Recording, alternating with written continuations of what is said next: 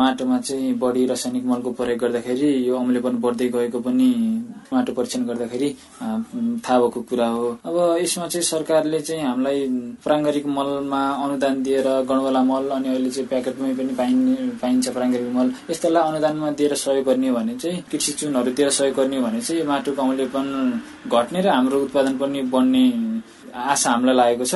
उहाँ हुनुहुन्थ्यो काठमाडौँको सुन्दरी जलमा कृषि खेती गर्दै आउनुभएका रेशम अधिकारी।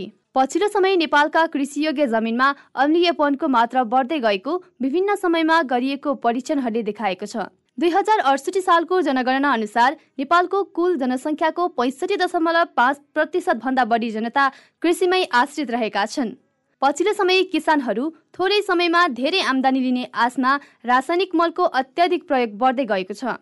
माटोमा प्राङ्गरिक पदार्थको कमी हुँदा अम्लीयपन बढ्दै जान्छ। तर पछिल्लो केही वर्षको तथ्याङ्क हेर्दा माटोमा खासै अम्लीयपन नबढेको राष्ट्रिय माटो विज्ञान अनुसन्धान केन्द्र नार्कका प्रमुख डाक्टर श्रीप्रसाद विष्टको दावी छ।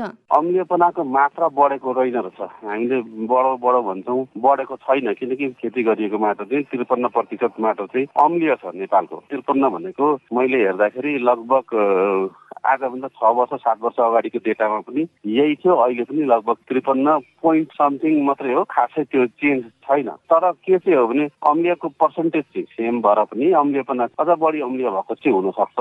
माटोमा अम्लियपनको मात्रा बढ्दै जाँदा भविष्यमा यसले ठूलो असर गर्न सक्ने भएकाले बेलैमा रोकथामका लागि ध्यान दिन जरुरी छ। त्यसैले यसको रोकथामको लागि रासायनिक मलको प्रयोग कम गरी प्राङ्गरिक मलको प्रयोग बढाउनु पर्ने सुझाव दिनुहुन्छ।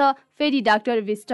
माटोमा अम्लियपना बढ्नु भनेको चाहिँ माटोको पिएच चाहिँ घट्नु हो। उसको त अम्लियपना धेरै बढ्यो भने धेरै समस्याहरू आउँछन्। त यो रोकथाम गर्न नसकिने चिजै होइन यो जसले चाहिँ अम्लीय पदार्थ बढाएर लान्छ। त्यस्ता खालका रासायनिक मलहरू चाहिँ मात्रा चाहिँ प्रयोग गर्न अलिक कम गर्नुपर्छ। सबभन्दा सजिलो उपाय चाहिँ कृषि चुन लगाउने हो त्यसले चाहिँ अम्लियपना घटाइदिन्छ। एउटा अर्को प्राङ्गारिक पदार्थ प्रशस्त मात्रामा लगाउनु जरुरी छ। माटो तथा मल परीक्षण प्रयोगशाला हेटौँडाले पछिल्लो समय गरेको माटो परीक्षणमा बागमती प्रदेशको खेतीयोग्य जमिनको साठी प्रतिशत माटोमा अम्लीयपनको समस्या देखिएको जनाएको छ।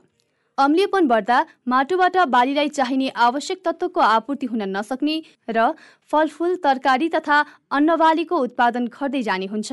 प्राङ्गारिक पदार्थको कमीलाई रोक्न गाईवस्तुको गोबर गहुँतको मात्रालाई बढाउनु पर्ने जोड दिनुहुन्छ।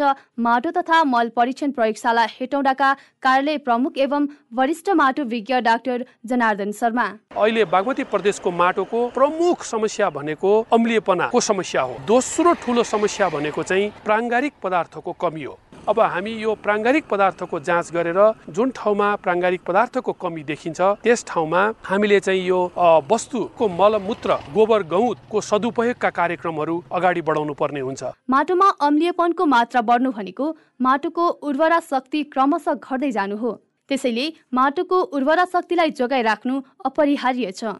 कृषि उत्पादन घटेको खण्डमा आयातमा भर पर्नुपर्ने अवस्था आउन सक्छ भने खाद्य सङ्कटको समेत सामना गर्नुपर्ने अवस्था आउने विज्ञहरूले औलाएका छन्। माटोको अम्लीयपन नियन्त्रणका लागि सरकारले आवश्यक कार्यक्रम तत्काल ल्याउनु पर्ने सरकारवाला सबैको जोड छ।